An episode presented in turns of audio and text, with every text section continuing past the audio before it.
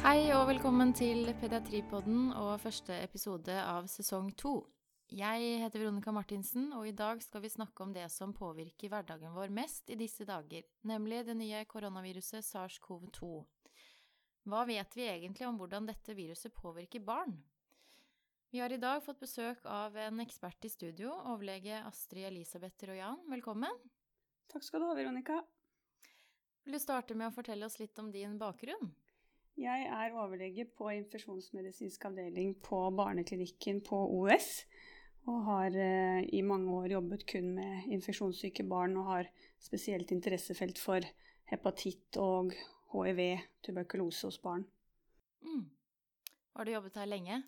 Siden barnesenteret ble åpnet i 1998. Ja, så det begynner å bli lenge. Ja.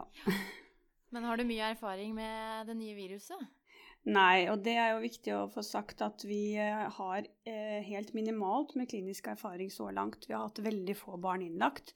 Sånn at eh, informasjon og rådene jeg kommer til å gi i dag, det baserer seg på anbefalinger fra um, Folkehelseinstituttet, WHO, CDC og tilgjengelig litteratur. Mm. Um, ja. Og så er det vel sånn man hører på nyhetene også, at man må følge med og oppdatere seg fra uke til uke. Ja, altså det som blir sagt her nå, det er veldig fersk vare og må oppdateres kontinuerlig. Fordi det kommer stadig en stor eh, mengde ny litteratur fra uke til uke. Sånn at det kan godt hende vi må ha en ny innspilling om ikke så altfor lenge. Ja. Så man kan jo begynne med å avklare litt begreper eh, sånn helt i starten, da. Hva er SARS-CoV-2, og hva er covid-19? Ja. SARS-CoV-2 er, betegner selve viruset. Og SARS står for Severe Acute Respiratory Syndrome. Og det er navnet det nye koronaviruset fikk etter at det var beskrevet første gang i Wuhan i Kina i desember i 2019. Dette er et helt nytt koronavirus som ikke tidligere har blitt identifisert hos mennesker. Og det har ganske store genetiske likheter med det tidligere beskrevne SARS-viruset, som het SARS-CoV-virus 1 som også tilhørte koronavirusfamilien. Viruset stammer opprinnelig fra, sannsynligvis opprinnelig fra flaggermus. Mm. Og som de fleste vet, så spredte det viruset seg raskt til alle kontinent. Og 11. mars erklarte WHO at dette dreier seg om en pandemi. Og det medførte da disse strenge restriksjonene som vi nå ser i store deler av verden, med nedstengning, stengte grenser, reiserestriksjoner og karantene etter reiser.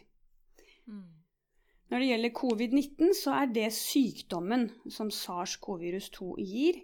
Dette koronaviruset først, har vært kjent lenge, oppdaget første gang i 1960. Det tilhører en stor familie av forskjellige virus, hvor fire av de gir vanligvis lette forkjølelsessymptomer hos både unge og voksne gjennom vinteren.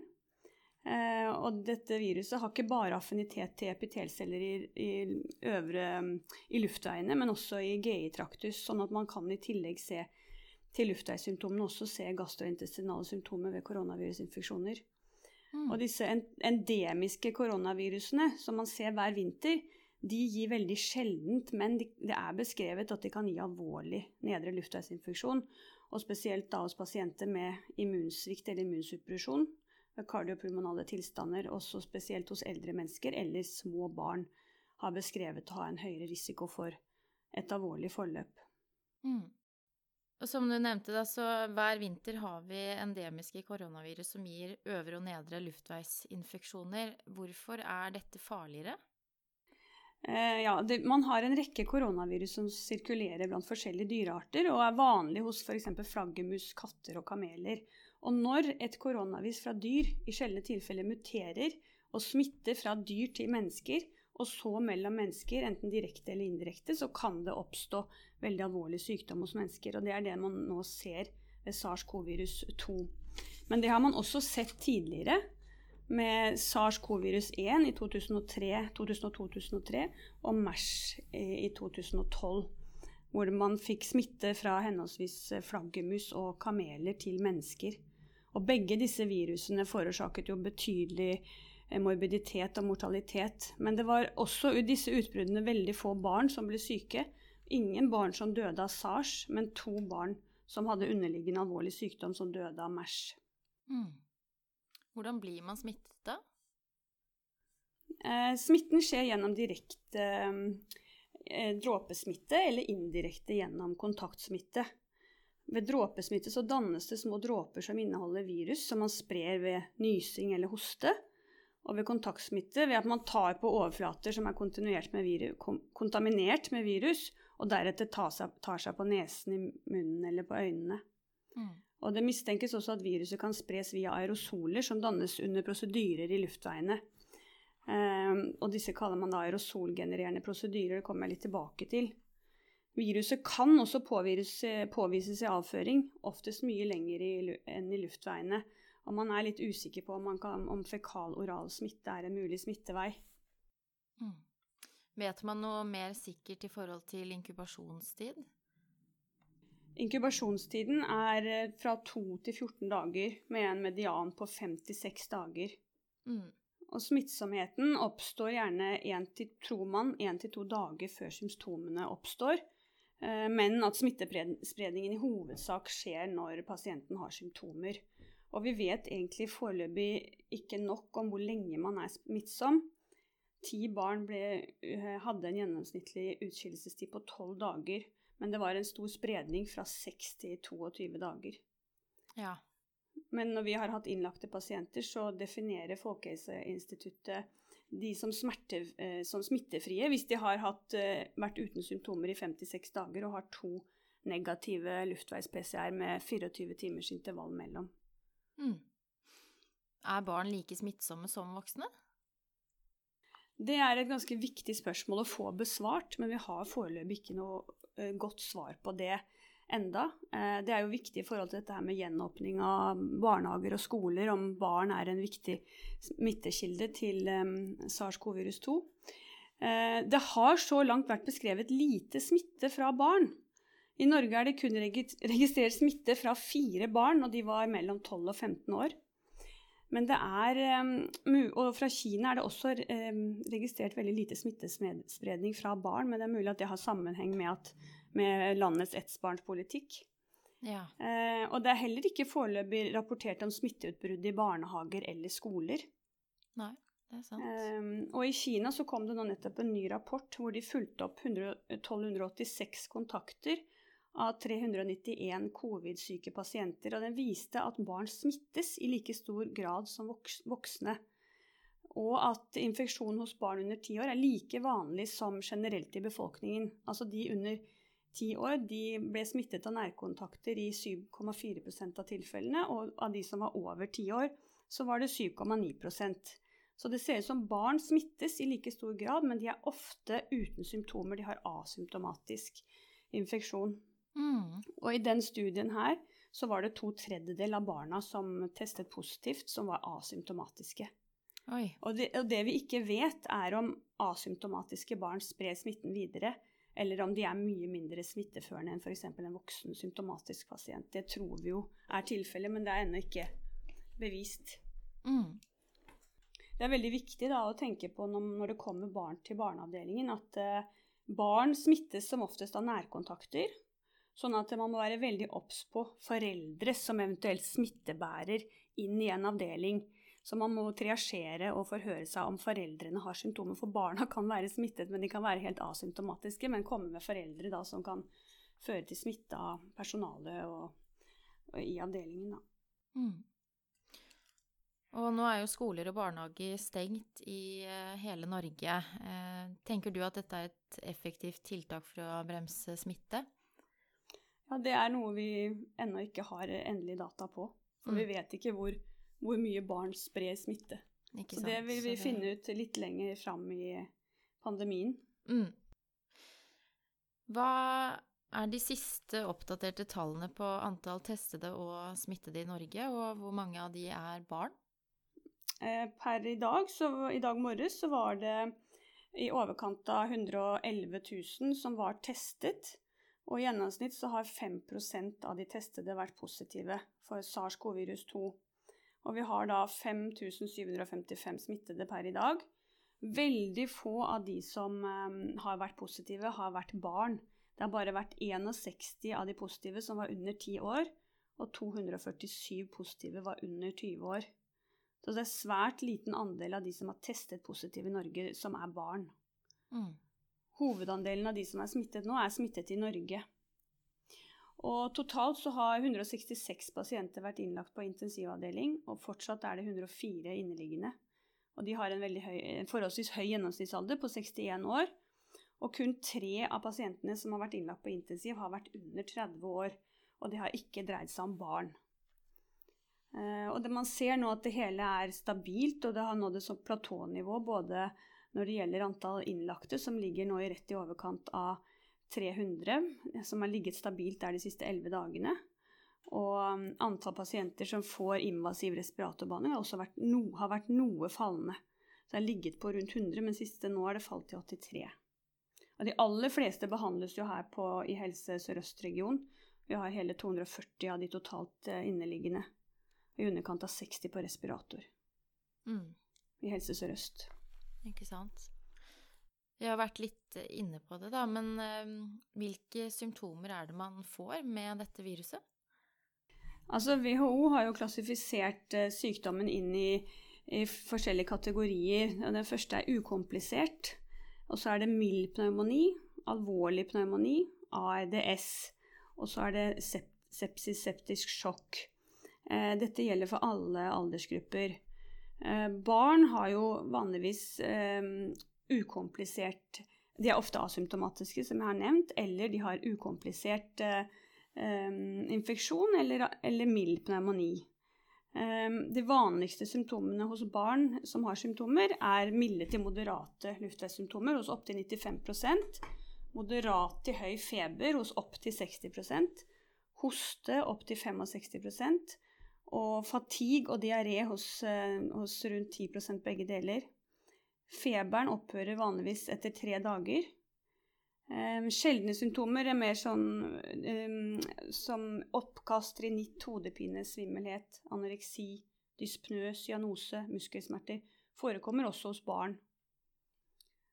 Hos noen da, så forverres tilstanden, og barnet utvikler hoste, takypnø og dyspnø, og det er vel disse barna vi vil mm. komme til å se noen få av på, på barneavdelinger.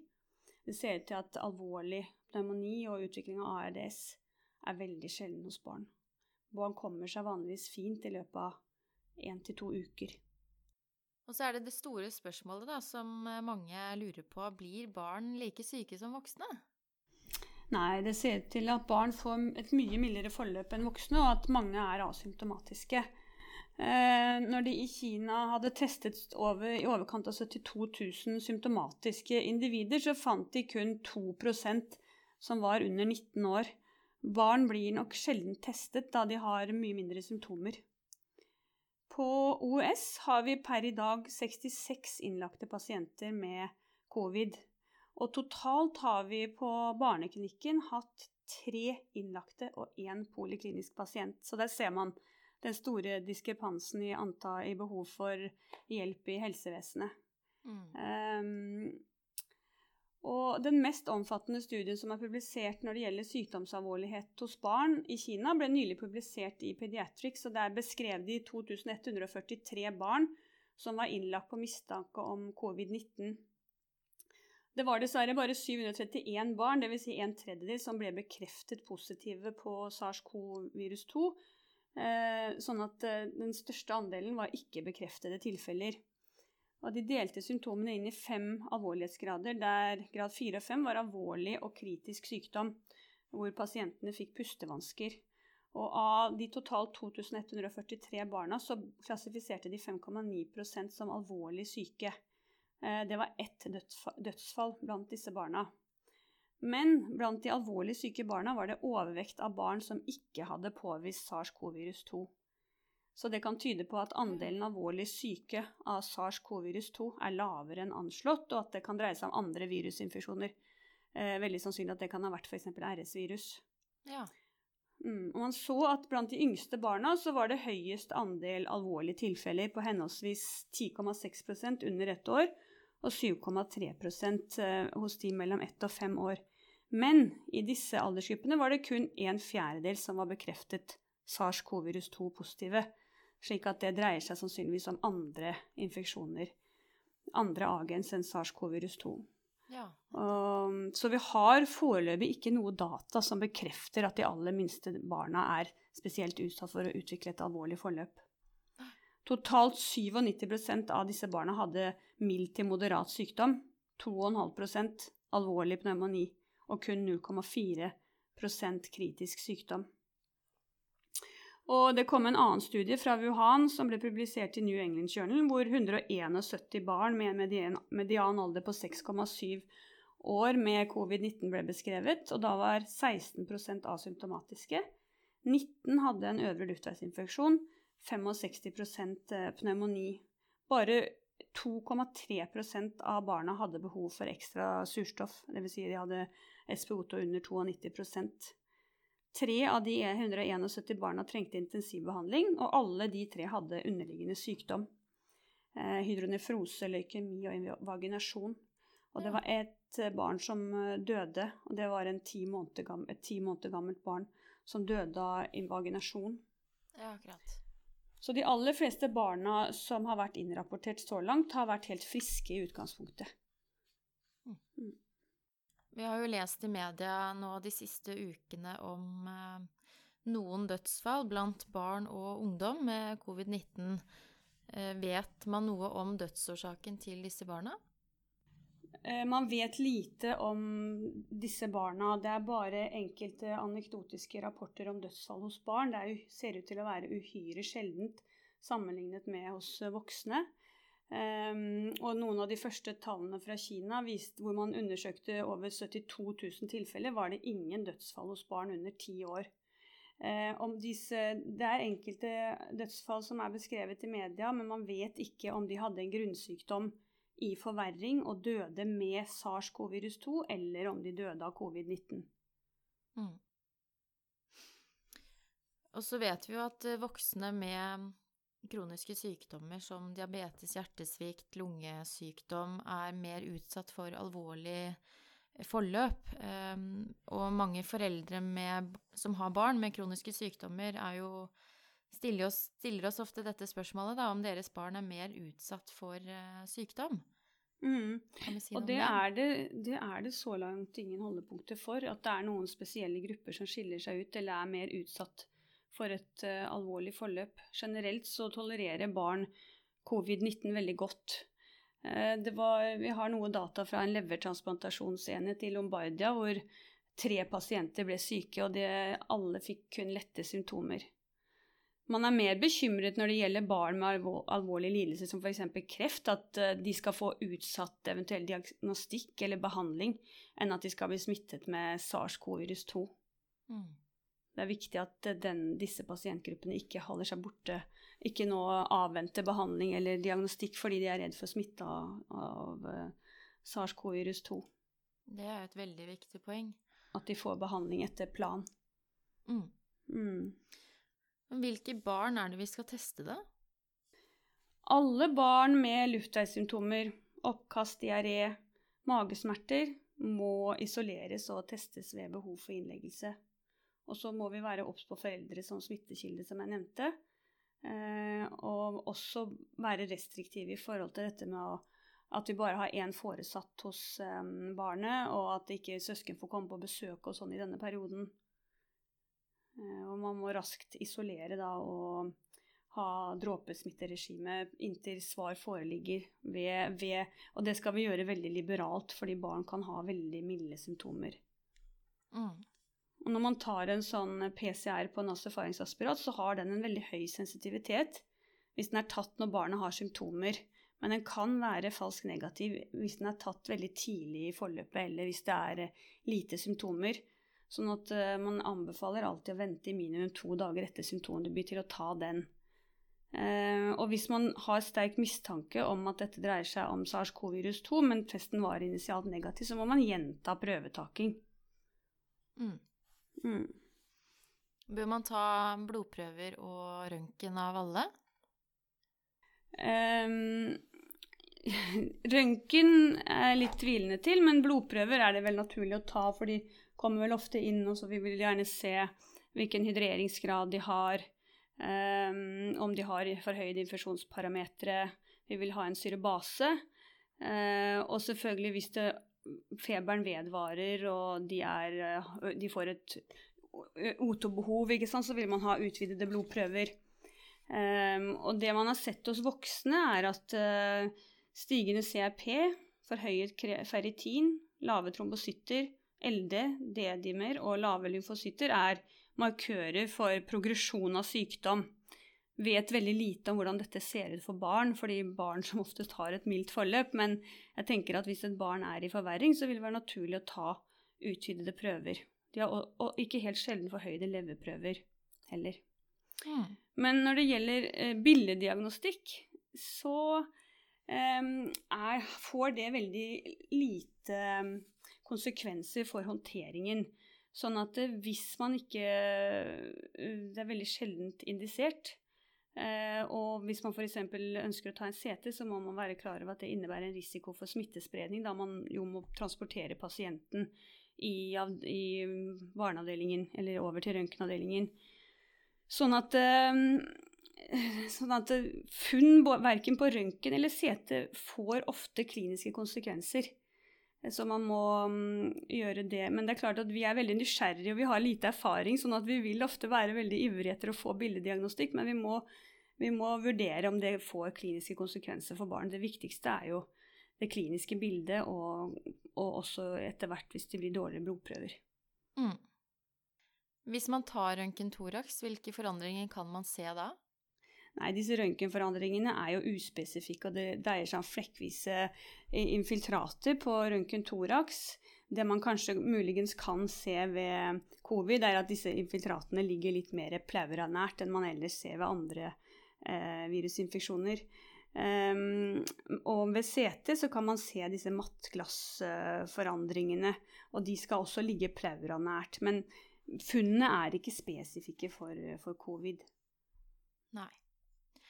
Og disse barna som vurderes på sykehus og innlegges med enten uavklart eller bekreftet eh, covid-19, hvordan skal vi smitteisolere de?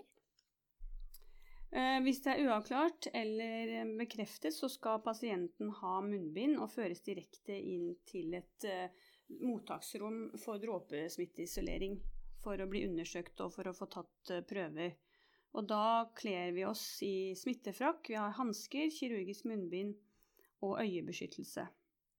Og hvis man skal, eh, blir nødt for å utføre aerosolgenererende prosedyrer, så bruker man åndedrettsvern type FFP3 og hette.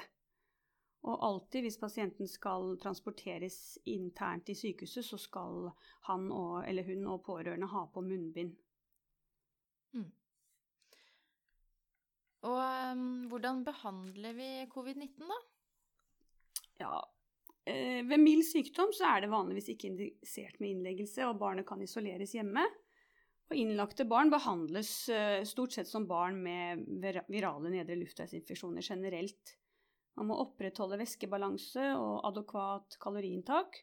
Og så må man passe på å korrigere elektrolyttforstyrrelser, og pasientene må ligge til observasjon på skop og dersom det er behov, så kan man gi ekstra surstoff på nesegrimet hvis SPO2 faller under 90-92, har vi lagt oss på i anbefalingen i veilederen. Um, analgetika, antipyretika, anxiolytika kan være aktuelt.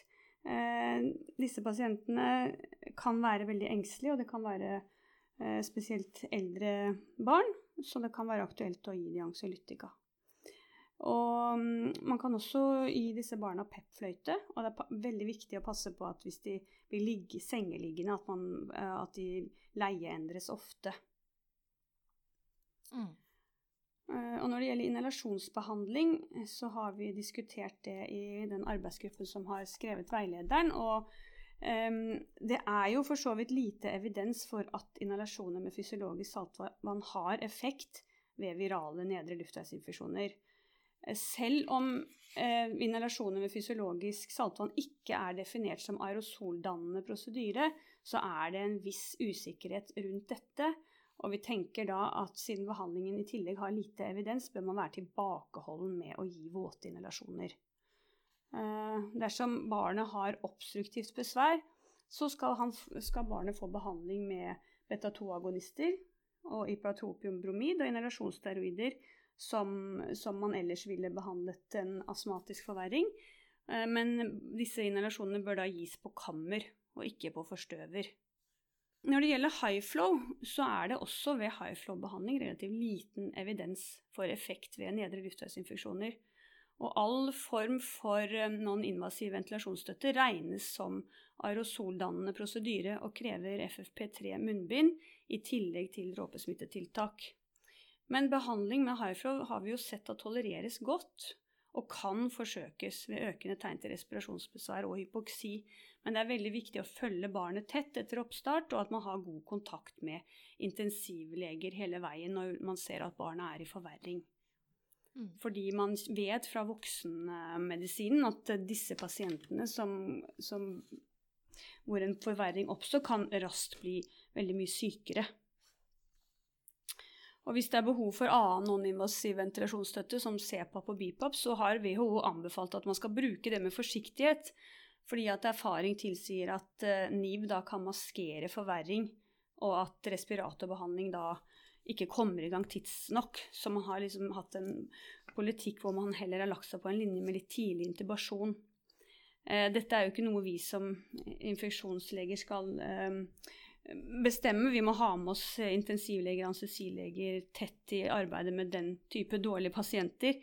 Men eh, jeg hørte et foredrag i forrige uke av um, sjefen på intensivavdelingen på Ahus, Berdal, på nettundervisningen, og da hadde de etter hvert på voksne pasienter fått mer erfaring med å bruke NIV, og at de kom, hadde kommet i økende grad til mål med det, da uten intubasjon. Sånn at det her er vel ikke endelig besvart hvordan man man håndterer dette i tiden fremover. Mm. Det er jo positivt. Mm. Så man må følge disse pasientene da, og se eh, hvis de skulle få fallende SPO2 og økende grad av takypnø og dyspnø. Eh, fordi at de, da må de følges tett fordi de kan derangere de kan derangere raskt. Og hos voksne så er det beskrevet dette som man, kaller, som man beskriver som en akutt cytokinstorm. Et hyperinflammasjonssyndrom som kan oppstå hos eh, en, veldig, en, liten andel av pasientene. Jeg har ikke sett at dette har vært beskrevet hos barn så langt. Mm. Og når det gjelder antibiotikabehandling, så, så er, vet man ikke helt det her med forekomst av bakterielle superinfeksjoner. Men hos voksne så ser de så langt at det ser ut som å være et mindre problem, i hvert fall enn sesonginfluensa, og det ser ikke ut som det er noe stort problem med staff aureus. Men man bør være, prøve å unngå irrasjonell bruk av antibiotika, men vurdere behandling hvis de har feber utover tre dager og stigende infeksjonsparametere. Og generelt så gjelder valg av antibiotika følger man vanlige retningslinjer som for pneumoni. Ja, vil det være aktuelt å forsøke antivirale midler eller plakenil, altså hydroksoklorokin, på barn også, hvis eh, man får barn innlagt med alvorlig covid-19? Ja, man gjorde det på voksne initialt, men nå har jo Norge også blitt med i en stor studie eh, som er eh, initiert av WHO, hvor de ser, skal se på effekt i en stor RCT. Så nå gir man eh, ikke voksne pasienter denne behandlingen heller utenom RCT, så, jeg, så vidt jeg har forstått, hvis jeg har forstått det riktig. Da har man på voksne en arm med klorokin og en med remdesivir og en med symptomatisk behandling. Eh, men når det gjelder barn, så er det ingen studier som mitt meg bekjent på, på gang. Mulig det kommer. Eh, og verken CDC eller WHO anbefaler noen spesifikk antiviral eller immunmodulerende behandling sånn at all medikamentell behandling av barn må oppfattes som utprøvende behandling. Og det er flere medikamenter som viser in vitro-effekt på viruset, og det er, vært, det er til, medikamenter som tidligere har vært gitt til mennesker, som f.eks. lopinavir ritonavir, som er en hiv-medisin, som også er godt utprøvd til barn, som er et av de viktigste medikamentene ved hiv-behandling, spesielt av, av, små barn som trenger mikstur. Og remdesivir, som er en, en e medisin man prøvde ut ved ebolautbruddet. Eh, og så er det hydroksyklorokvin. Eh, og klorokin blokkerer virusinfeksjon i SARS-CoV-virus 2-infiserte celler. Og det er flere små studier eh, som viser eh, in vitro-effekt, men eh, disse studiene er ikke randomisert, og, og det, er, det, er, veldig små tall, som sagt. Eh, små pasienter inkludert. Steroider er omdiskutert. Eh, det skal inngå i behandlingen dersom det er forverring av astma i forbindelse med SARS-CoV-virus 2. Men det er litt motstridende opplysninger om effekt. Eh, ved, ved SARS-CoV-virus 1 så var det, gjorde steroider mer skade enn nytte. Og det er foreløpig ikke slik at WHO anbefaler steroider. Um, sånn det, men her må vi følge med og se om det kommer nye data. Så mm. hvis man har et veldig dårlig barn og står med ryggen mot veggen, så kan man forsvare f.eks. For å gi klorokvin man, som en sånn compassionate use, som man kaller det da, utenom, utenom det som er anbefalt. Så det vil, det, det vil, man kunne komme til å gjøre hvis man får et veldig kritisk sykt barn. Mm. Det har jo også vært en diskusjon eh, i forhold til om det er trygt å gi ibuprofen ved feber. Skal man være tilbakeholden med det? Eh, ibuprofen det har vært en diskusjon fordi ibuprofen kan føre til økt eksplosjon av ACE2-reseptor. ACE2-reseptor det, eh, det, er den som er en det, det, vet man er en inngangsport for koronaviruset inn i epitelcellene i luftveiene og man har derfor lurt på om det er en teoretisk mulighet for at NSIDES kan forverre tilstanden. Men man har ikke noe sikker dok dokumentasjon for det, og NSIDES frarådes verken av WHO, European Medicines Agency eller Statens legemiddelverk. Sånn at det kan man gi, men paracetamol er førstevalg som antipyretika. Ja. Mm. Eh, vet man noe om eh, risiko for intrauterin smitte? Eh, sannsynlig intrauterin smitte er bare beskrevet hos én nyfødt, hvor det ble funnet IGM i serum kort tid etter fødsel. Barnet var friskt og var SARS-CoV-virus 2 negativt i nasofaringsaspirat. Det er det eneste rapporten som foreligger så langt, og det er ikke beskrevet eh, vertikal smitte for øvrig. Og det er ikke påvist SARS-CoV-virus 2 i verken morsmelk, amnion eller navlesnorsblod. Og det er heller ikke per 25. mars var det ikke rapportert negative effekter på fosteret, og det var ikke rapportert abort aborter. Nei, så fint. Ja, Det er få studier som er publisert, men det er så langt veldig lite som tyder på at nyfødte blir alvorlig syke av covid-19. Um, hvis man da har en eh, covid-19-positiv uh, mor, hvordan skal vi da håndtere den nyfødte? Ja, WHO og de fleste europeiske land fraråder å rutinemessig skille SARS-CoV-2-positive mødre fra sine nyfødte barn, og de anbefaler også amming. Eh, men CDC og kinesiske helsemyndigheter har en annen tilnærming, hvor de da anbefaler mødrene å være atskilt fra det nyfødte barnet de første to til tre ukene for å forhindre smitte. Og det er jo et relativt dramatisk tiltak, eh, tiltak, som vil oppleves veldig belastende for mor, og kan gjøre tilknytningen og ammingen vanskelig. Og det vil også være ganske ressurskrevende for helsevesenet å ivareta et barn uten foresatte til stede. Sånn at man eh, har i, i Norsk barnelegeforenings anbefaling eh, ikke noe råd om å skille mor og det nyfødte barnet. Og det er fordi eh, det ikke foreligger data på at nyfødte barn med SARS-CoV-2-smitte blir alvorlig syke. Og det får ganske store konsekvenser å skille mor og barn. Sånn at uh, dette er også i tråd med de fleste andre europeiske land. Kjempeflott. Nå har vi vært igjennom mye informasjon, og her må man jo bare fortløpende holde seg oppdatert på studier som kommer. Eh, men jeg tenkte at vi kan da avslutte med å oppsummere de viktigste hovedpoengene som man må få med seg. Ja. Jeg tenker Det viktigste i vår håndtering av barn med potensiell eh, smitte, er at vi må være veldig oppmerksomme og triasjere. Både på telefon, med tanke på om barnet kan ha vært eksponert for smitte, eller om det er noen der hjemme som har symptomer fra, som kan være passende med covid-19. Og vi må være raske til å isolere og teste barna. Og vi må teste igjen dersom det er sterk mistanke, og vi må være oppmerksomme på pårørende som smittekilder. Eh, og så må vi være nøye med smittevernrutiner og terpe dette. Eh, I hvert fall på ukentlig basis, for det er veldig mye og ekstra vi skal passe på i, denne, i forbindelse med denne type smitte. Og generelt så har barn veldig milde symptomer og god prognose når det gjelder eh, SARS-CoV-virus 2.